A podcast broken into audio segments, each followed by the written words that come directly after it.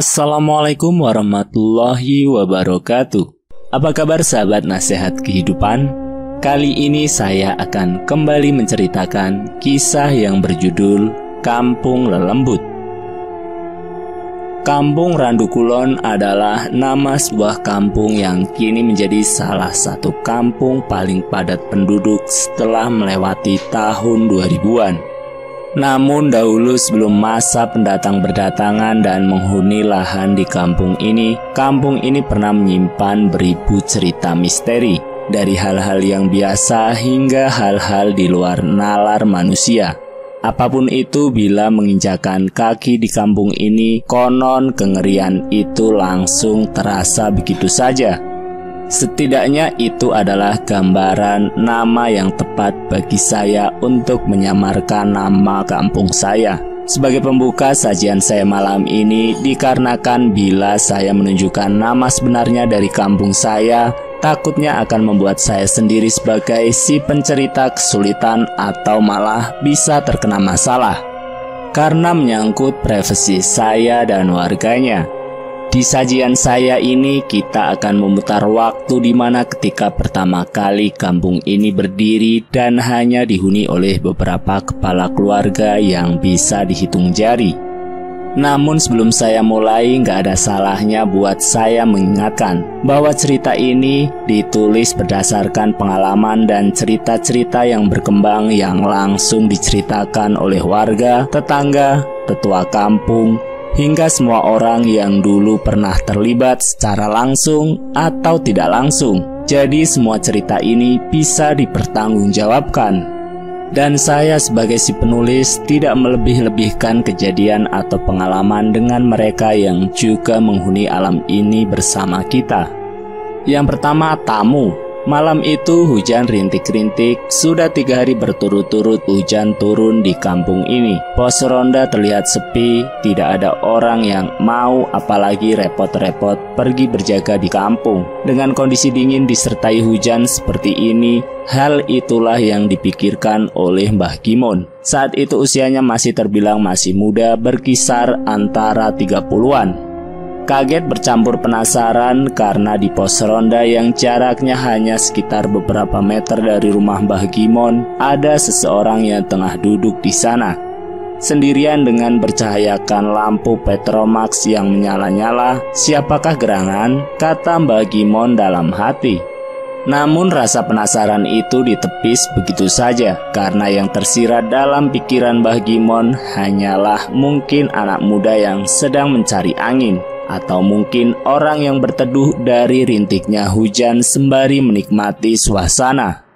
Anehnya kejadian ini terjadi berkali-kali. Setiap malam, dikala hujan turun dan tidak ada warga satupun yang pergi keluar, selalu saja ditemui sosok itu tengah duduk sendirian. Karena rasa penasaran yang semakin lama semakin menggunung, maka malam itu ketika hujan turun kembali, ditemuilah sosok itu. Dan benar saja sosok itu seperti sudah menunggunya. Assalamualaikum warahmatullahi wabarakatuh. Kata Mbah Gimon menyapa. Rupanya yang ada di hadapannya adalah seorang pemuda tanggung, lebih muda dari Mbah Gimon saat itu. Pemuda itu tidak menjawab, hanya tersenyum tipis. Tidak ada hal yang membuat Mbah Kimon lebih curiga manakala baru pertama kalinya dia melihat wajah pemuda ini ada di kampung yang hanya dihuni oleh beberapa kepala keluarga saja. Siapa ya? Kok baru pertama kali saya lihat kamu? Pemuda itu lagi-lagi tidak menjawab, hanya duduk dan melihat Mbah Gimon sembari tersenyum tanpa arti. Hal itu membuat Mbah Gimon tidak nyaman Dinginnya malam sudah mulai menusuk tulang sembari menunggu jawaban. Mbah Gimon merasa semakin curiga dengan pemuda ini. Tidak beberapa lama muncul seseorang lain dengan baju koko dan peci putih. Aromanya wangi berjalan dalam keheningan. Yang tahu menau, orang itu sudah berdiri di hadapan Mbah Gimon dan pemuda itu.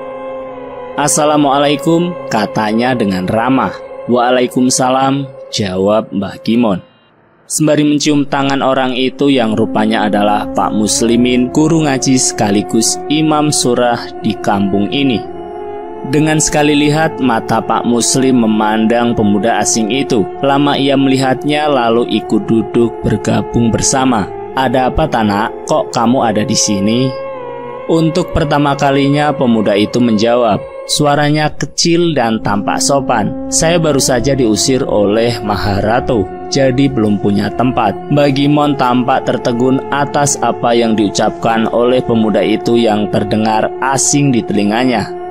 Apa maksudnya Maharatu dan siapa yang mengusir pemuda ini? Namun Mbah Gimon memilih mendengarkannya. Oh begitu ta?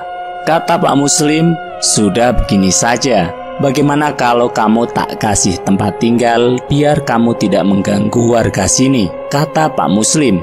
Mbah Gimon masih terlihat bingung. Baik pak, bila ada saya mau. Ada, Kata Pak Muslim, nama tempat tinggal yang ditawarkan itu namanya sapi. Bagimon tambah bingung dengan ucapan Pak Muslim. Sebenarnya apa yang sedang dibicarakan oleh Pak Muslim dan pemuda asing ini? Kenapa membahas sapi dan lain sebagainya? Rupanya tidak beberapa lama terdengar suara langkah kaki mendekat.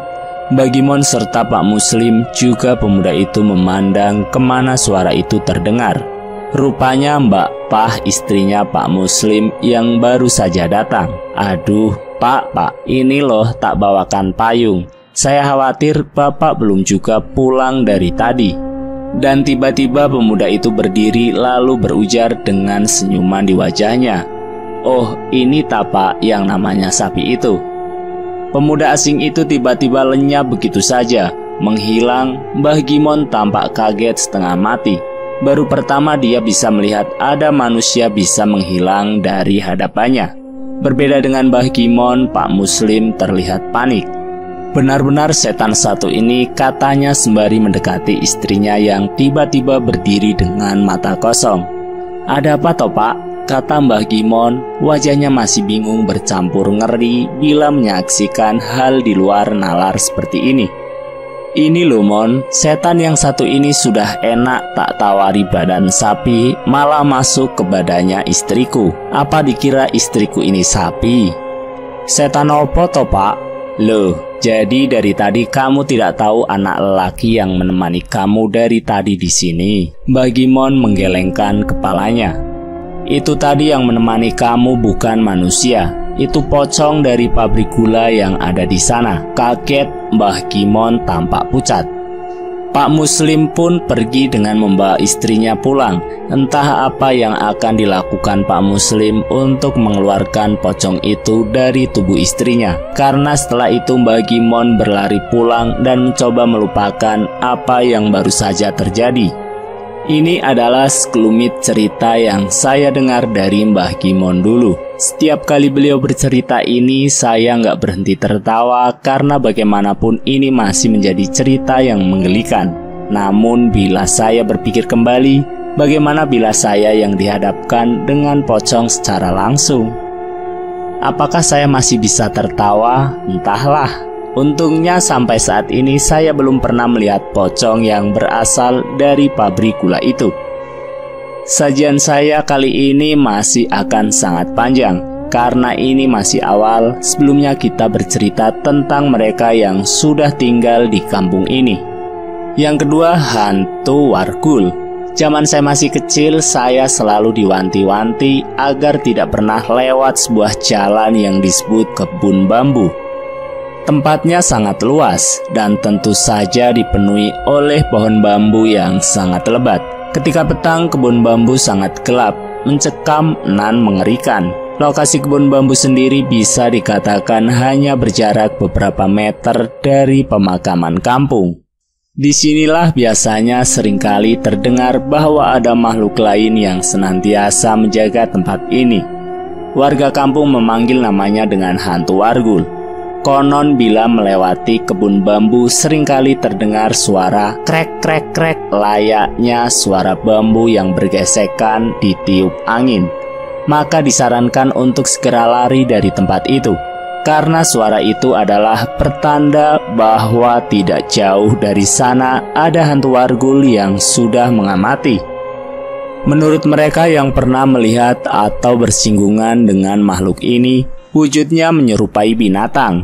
Tingginya sama dengan tinggi ayam kampung, kecil namun ia berdiri layaknya manusia. Memiliki kepala dan wajah menyerupai monyet dengan bulu hitam yang lebat, kakinya bersirip layaknya bebek dengan tangan dan kuku jarinya panjang dan hitam legam.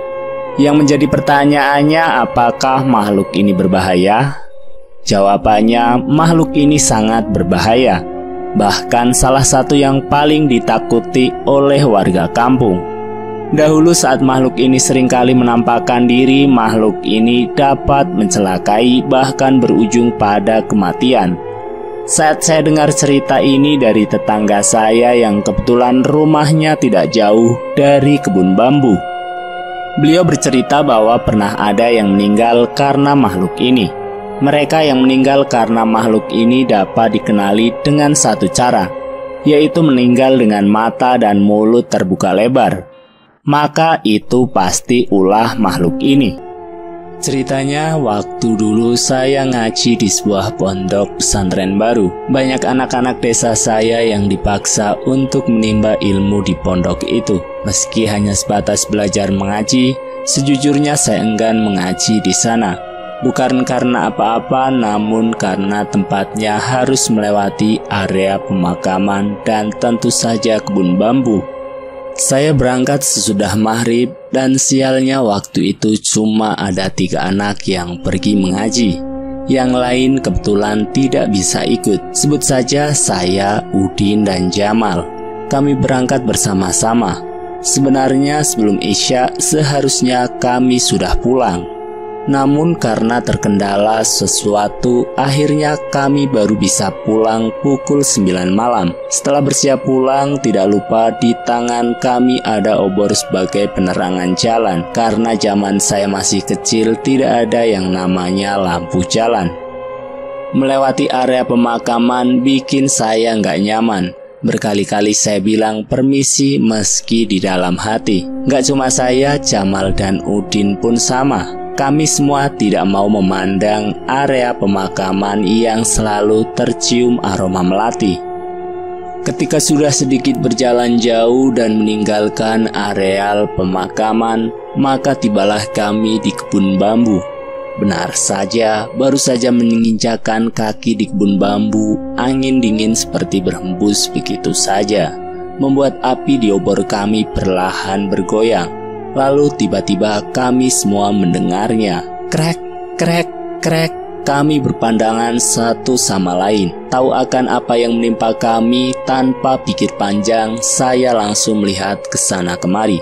Bersiap mengambil ancang-ancang untuk segera meninggalkan tempat ini. Udin yang pertama lari, diikuti Jamal dan terakhir saya. Entah apa yang saya pikirkan, malam itu jauh lebih gelap dari malam biasanya. Saya lari tanpa memperdulikan sandal yang terlepas dari kaki saya. Sandal bisa dicari besok hari, tapi kalau nyawa, ke mana harus mencari? Udin dan Jamal sudah menghilang dari pandangan saya. Memang sial betul nasib saya. Karena saya yang paling kecil saat itu, langkah kaki saya nggak selebar mereka berdua. Belum juga saya memikirkan itu, tiba-tiba kaki saya terperosok masuk saat tersandung sulur-sulur bambu yang gak saya lihat di depan saya. Sontak saya terjatuh dengan wajah menghantam tanah, keras sekali, sampai kening saya sakit sekali. Lalu suara itu kembali lagi. Kriak, kriak, kriak. Dan benar saja belum saya berdiri, di depan saya melihat makhluk kecil Tingginya nggak lebih tinggi dari anjing milik tetangga saya. Mungkin seukuran ayam kampung. Matanya merah menyala di tengah kegelapan. Kepalanya benar-benar menyerupai monyet lengkap dengan taringnya ketika makhluk itu bersuara. Kriek, kriek, kriek di depan saya. Tidak ada pergerakan di antara kami berdua, sementara saya terus melihat makhluk itu terpaku dengan sosok yang asing dan mengundang penasaran yang saya dengar dari cerita tentang hantu ini adalah hantu ini biasanya menggelitik korbannya hingga tewas. Itulah sebabnya korbannya meninggal dengan mata dan mulut terbuka. Namun yang gak saya tahu adalah proses bagaimana makhluk ini menggelitik korbannya. Dan ada lagi yang pernah saya dengar dari makhluk ini. Meski kakinya bersirip seperti bebek, namun ketika berlari makhluk ini cepatnya bukan main. Bahkan mustahil bisa selamat dari kejaran wargul. Hanya ada satu cara yang bisa menyelamatkan diri dari cengkraman wargul, yaitu dahan pisang wargul sangat takut dengan suara cambuk yang keras. Dan suara cambuk bisa dihasilkan dari dahan pisang yang diinjak sampai membentuk sulur yang meliuk. Sehingga ketika dilecutkan di tanah, maka suara menyerupai suara cambuk yang menggelegar. Sayangnya tidak ada kebun pisang di areal kebun bambu, hanya dahan dan sulur bambu yang mustahil bisa menghasilkan suara menyerupai cambuk. Jadi saya pun hanya terpaku mematung melihat makhluk itu yang hanya berdiri seperti menunggu reaksi saya. Pasrah itu yang dulu saya pikirkan, sampai saya mendengar suara cambuk dilucutkan dari jauh. Rupanya itu Udin dan Jamal. Mereka kembali dan berlari menuju saya sembari menghentakkan cambuk dari dahan pohon pisang. Seketika itu juga saya bisa lihat makhluk itu berlari cepat sekali menghilang di sela-sela bambu yang bertebaran di kebun ini. Rupanya Udin dan Jamal tidak meninggalkan saya. Saat mendengar suara wargul mereka sudah diperingatkan karena wargul biasanya hanya mengejar satu orang yang paling lambat. Wargul tidak pernah bisa menyerang lebih dari satu kali, dan untuk itulah yang pertama kali mereka lakukan adalah mencari pohon pisang karena mereka tahu saya nggak bakal bisa lari secepat mereka. Malam itu menjadi kenangan bagi kami bertiga, dan setiap kali saya bertemu dengan Jamal dan Udin, saya selalu mengingatkan mereka tentang masa kecil kami di mana kami bertemu dengan wargul yang akan terus saya ceritakan untuk anak-anak saya kelak. Satu hal lagi yang bakal saya jelaskan, konon menurut kabar yang saya dengar, kemunculan wargul biasanya menjadi pertanda bukan pertanda baik atau buruk, melainkan pertanda bahwa tidak jauh dari tempat suara wargul muncul, sesungguhnya ada makhluk yang jauh lebih mengerikan tengah mengamati. Siapa itu? Dia adalah Wewe Gombel. Namun nanti saya akan ceritakan Wewe Gombel ini. Karena yang saya ceritakan berikutnya adalah makhluk hitam yang besar yang dulu suka sekali memakan gabah. Warga kampung saya memanggilnya dengan kemuning ireng atau lebih dikenal dengan sebutan buto. Yang ketiga, kemuning ireng atau buto. Pertama kali saya dengar cerita ini dari desa sebelah, masih satu kecamatan dengan desa saya. Suatu malam terdengar sebuah suara seseorang tampak tengah mengunyah. Semakin lama suaranya semakin intens. Karena rasa penasaran, maka dicarilah suara itu yang rupanya berasal dari sawah. Namun anehnya, tidak ada siapa pun di sana, tapi suaranya masih terdengar dengan berbekal obor di tangan Pak Salim mencarinya. Ia tidak pernah berpikir macam-macam sebelumnya. Berjalan di atas rerumputan basah di samping sawah, Pak Salim masih mencari sumber suara itu sampai ia berhenti di atas tumpukan padi yang sudah dibabat dan menyisakan akar liarnya. Di sana Pak Salim melihatnya. Sesosok makhluk yang tinggi hampir setara dengan pohon mengkudu. Besarnya kurang lebih tiga lelaki dewasa gemuk. Kulitnya hitam legam dengan mata kecil di wajah. Sosok itu menyaruk-nyaruk gas gabah, memasukkannya ke dalam mulutnya yang besar seolah-olah makhluk itu sudah lama tidak pernah makan. Melihat itu, Pak Salim sampai harus menahan nafas karena Pak Salim tahu makhluk apa yang ada di hadapannya. Menunggu sendirian, Pak Salim masih menunggu makhluk itu pergi. Dan benar saja setelah puas melahap habis sisa gabah di depannya, Makhluk itu pergi, langkahnya tersaruk-saruk. Yang Pak Salim ingat hanya satu, bau tubuhnya seperti bau ubi dipanggang dalam api. Berpikir bahwa Pak Salim sudah aman, beliau menceritakan ini pada semua orang. Beberapa menanggapinya dengan tidak percaya. yang lain menanggapi dengan ngeri dan yang membuat Pak Salim harus menelan ludah adalah ketika Pak Salim bercerita pada tetangganya.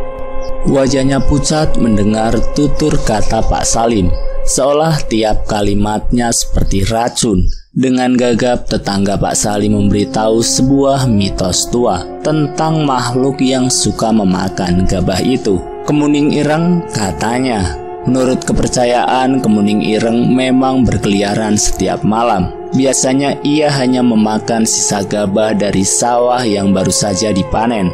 Dan sesiapa yang melihat kemuning ireng untuk menjaga lisannya dan tidak menceritakannya kepada siapa pun, karena orang Jawa percaya kemuning ireng muncul biasanya diikuti oleh pertanda bahwa di musim berikutnya sawah itu akan panen kembali dengan hasil yang lebih memuaskan. Namun ada satu pantangan yang tidak boleh dilakukan. Sesiapa yang melihat kemuning ireng dilarang keras menceritakan wujudnya kepada siapa pun karena kemuning ireng bisa mencium aroma darah manusia. Dan bila malam itu Pak Salim berpikir bahwa makhluk itu tidak tahu bahwa Pak Salim memergokinya. Sepertinya Pak Salim harus berpikir kembali. Bisa saja kemuning ireng itu memang sedang mengujinya dengan cara berpura-pura tidak tahu dan dengan kejadian bahwa Pak Salim sudah menceritakan tentang kemunculan makhluk ini. Pak Salim mulai diliputi rasa takut. Setiap malam beliau akan berhenti di pintu rumah, melihat keluar dari jendelanya, berharap makhluk itu tidak datang menemuinya. Malam demi malam dilewati Pak Salim dengan rasa khawatir yang bertumbuh menjadi paranoid parah. Sampai di malam yang entah keberapa, Pak Salim mencium aroma familiar aroma ubi yang baru saja dibakar di bara api. Pak Salim terdiam melihat sesuatu mendekat. Di zaman itu tidak ada rumah penduduk yang terbuat dari batu bata dan semen, karena rumah zaman dulu kebanyakan dibangun dari bambu atau kayu.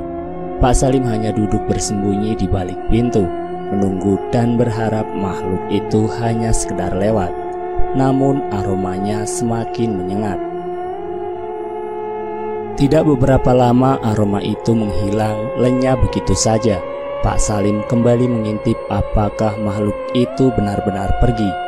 Dilihatnya dari sela bambu di dalam rumahnya dan benar saja bayangan yang tadi mendekat sudah lenyap.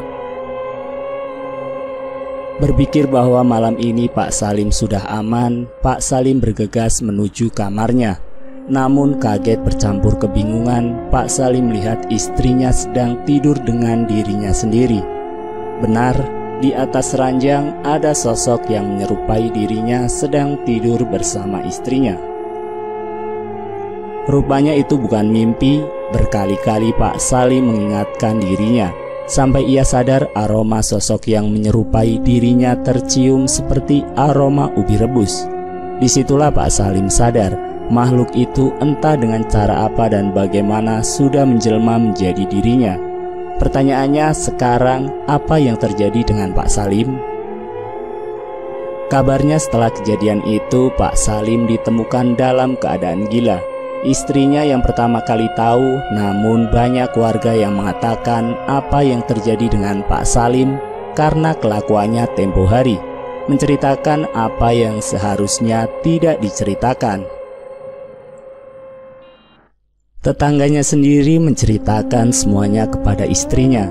Apa yang terjadi dengan Pak Salim adalah ulah dari kemuning ireng dan memang kebanyakan dari mereka bila berurusan dengan makhluk ini hanya memiliki dua pilihan. Mati secara tidak wajar atau menjadi gila selama-lamanya. Yang keempat Mbah Putri atau Bahulawayan dan Jin Penjaga. Mbak Putri adalah salah satu tetua paling dihormati dulu di kampung ini. Karena sebelum kampung ini benar-benar berdiri seperti saat ini, Mbah Putri lah yang pertama kali tinggal di sebuah rumah besar dengan gaya arsitektur Belanda. Menurut kabar yang sering saya dengar dari orang-orang, sehari-hari Mbah Putri mengenakan kebaya lengkap dengan sanggulnya Akan tetapi ada hal yang membuat warga sedikit takut dengan Mbah Putri. Apa itu? Kabarnya di belakang Mbah Putri kadang terlihat manusia yang tinggi besar. Beberapa menyebutnya dengan jin penjaga yang mengikuti Mbah Putri. Dan berapa jumlah mereka? Mungkin ini terdengar sedikit berlebihan, Menurut apa yang saya dengar dari cerita orang-orang yang mengikuti Mbah Putri hampir seperti sebuah pasukan kerajaan. Ada lagi yang membuat Mbah Putri sedikit ditakuti, yaitu dia sering kali memakan bunga-bungaan yang tumbuh di halaman rumahnya secara langsung tepat di depan warga kampung. Benarkah Mbah Putri sebegitu misteriusnya? Kali ini saya akan ceritakan secara detail siapa Mbah Putri sebenarnya. Mbah Putri pertama kali datang dan membangun rumah di kampung ini setelah mengikuti suaminya yang adalah seorang menir yang bertugas mengawasi lahan tebu. Suaminya Mbah Putri sendiri memiliki kedudukan strategis di pabrik gula dekat kampung saya. Saat sebelum kampung ini dihuni, yang ada di sini hanya sebuah rawa yang dipenuhi oleh pepohonan rindang. Di kiri kanan rumah pun hanya ada tanam-tanaman liar. Saat itu keadaan kampung ini nyaris seperti alas kecil, begitu sepi dan mencekam. Selama pernikahan Mbah Putri dengan suaminya atau menir itu, Mbah Putri belum juga dikaruniai seorang anak. Kabarnya banyak gosip yang berkembang bahkan sampai suami ke-14-nya beliau, Mbah Putri kabarnya tidak boleh bersetubuh dengan lelaki mana pun termasuk suaminya sendiri. Namun itu hanya sebuah rumor. Yang terjadi adalah suami Mbah Putri lebih banyak menghabiskan waktu di pabrik atau lahan tebu yang jaraknya tidak terlalu jauh dari desa saya. Karena sendirian inilah kabarnya Mbah Putri sering kali berinteraksi dengan mereka yang berbeda alam. Di sinilah pertanyaan terbesar saya. Mungkinkah kesepian yang membuat Mbah Putri beralih menjadi sesuatu yang membuat orang-orang berpikir bahwa Mbah Putri memiliki ilmu hitam? Sebegitu kuatnya kah beliau? Sampai tidak ada yang berani membicarakan beliau termasuk para tetua kampung. Namun ada cerita yang selalu membuat saya merinding tiap kali saya ingat. Seingat saya sampai saat ini saya nggak pernah tahu bagaimana wajah atau rupa Mbah Putri. Namun ibu selalu mengatakan bahwa saya sering kali didatangi oleh Mbah Putri. Bahkan ibu bercerita Mbah Putri sudah menganggap saya sebagai anaknya.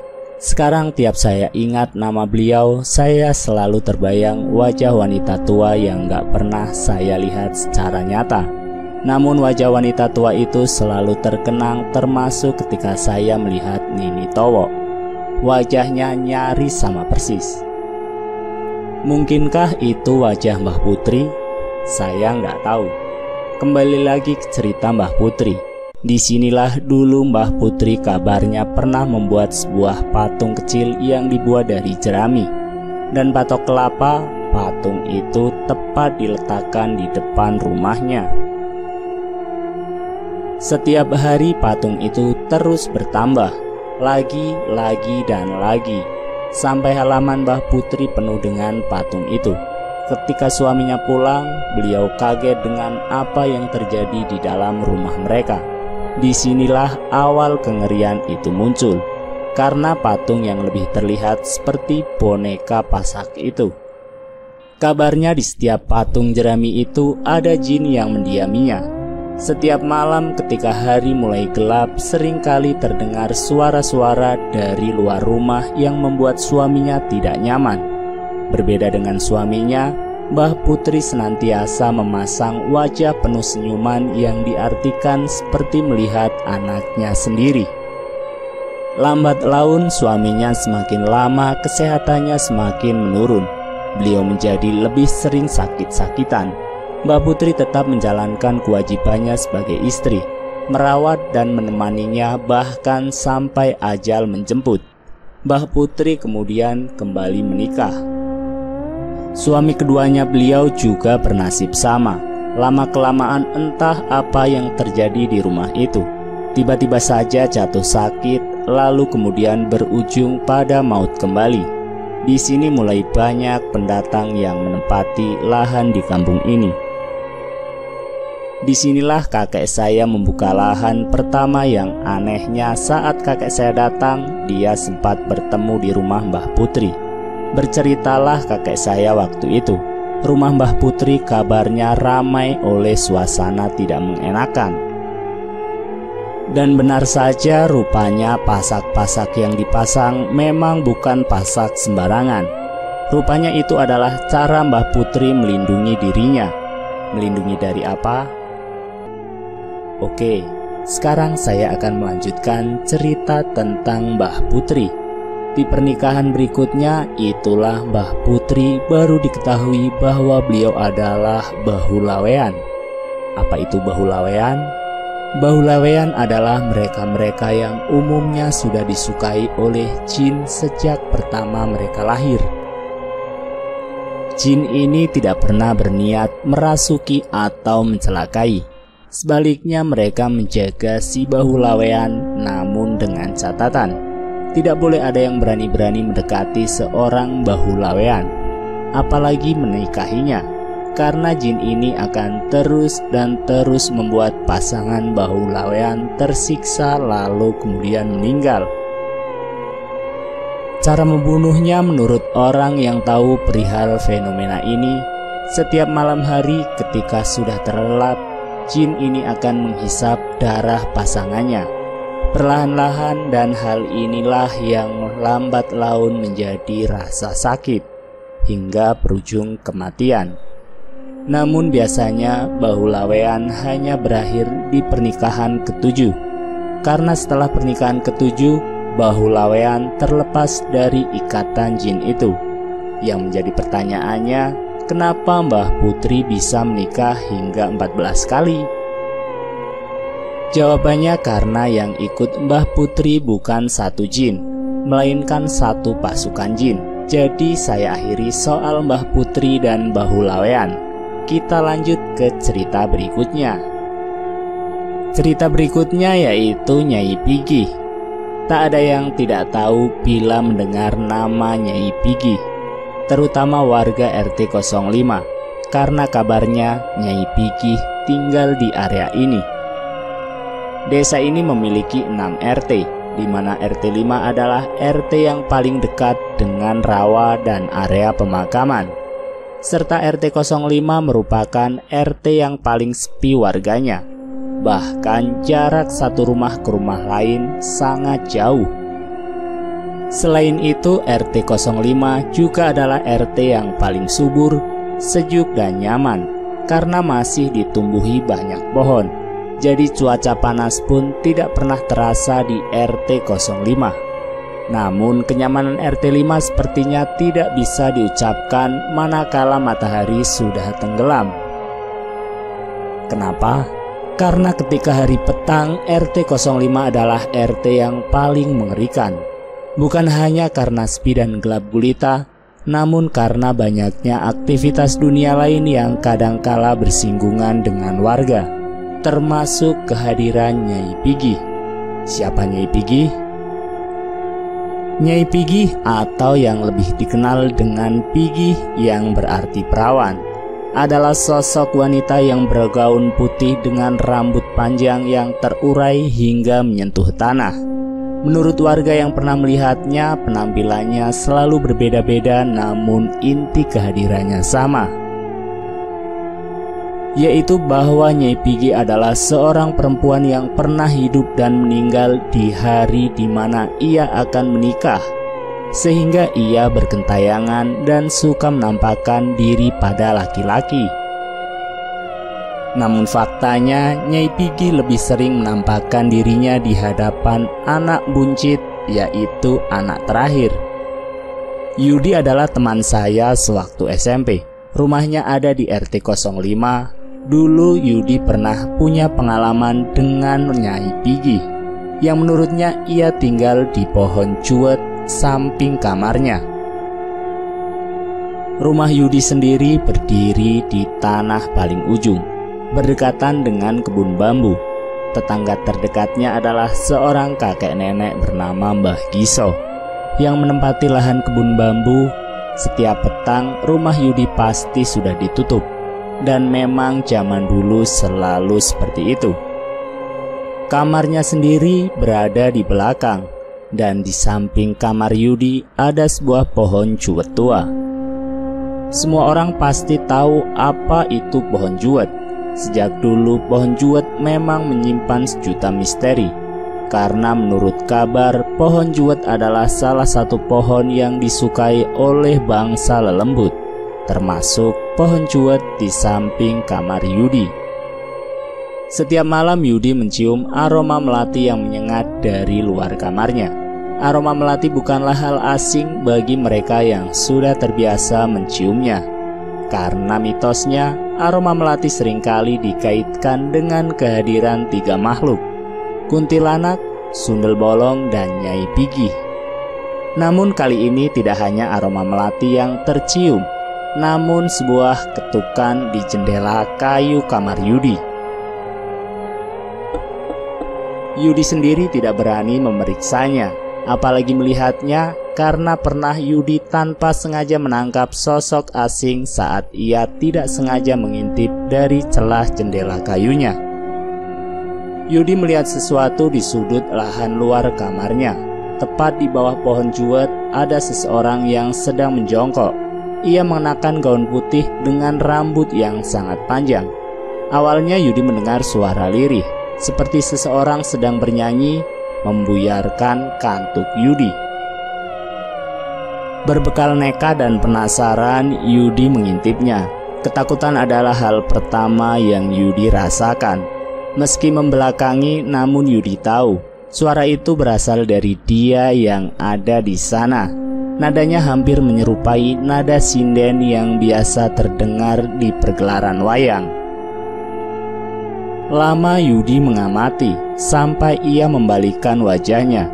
Setelah itu Yudi melesat ke tempat tidur, mencoba melupakan apa yang baru saja dia lihat. Apakah semuanya berakhir di sini? Kabarnya semenjak kejadian itu, Yudi sering kali merasakan bahwa dia terkadang mampir dan masuk ke dalam kamar Yudi.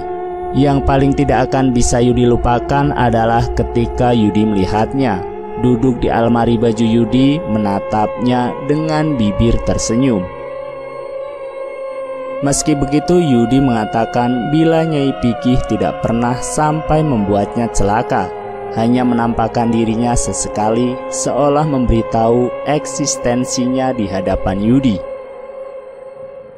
Selanjutnya adalah Sundel Bolong. Ada satu jalan di kampung saya yang bisa dikatakan paling dihindari karena di jalan ini sering kali terlihat seorang wanita yang cantik nan jelita tengah duduk menunggu pedagang keliling lewat. Hanya saja di punggung wanita itu ada sebuah lubang menganga.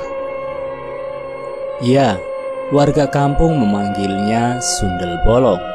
Tidak sedikit mereka yang pernah bersaksi melihat makhluk yang satu ini, karena kecantikannya kadang membuat seseorang tidak sadar termasuk Cak Mun yang dulu sering kali berjualan bakso dagangannya di kampung saya. Setiap kali ia akan lewat jalan itu, seolah-olah firasatnya selalu diliputi perasaan tidak enak.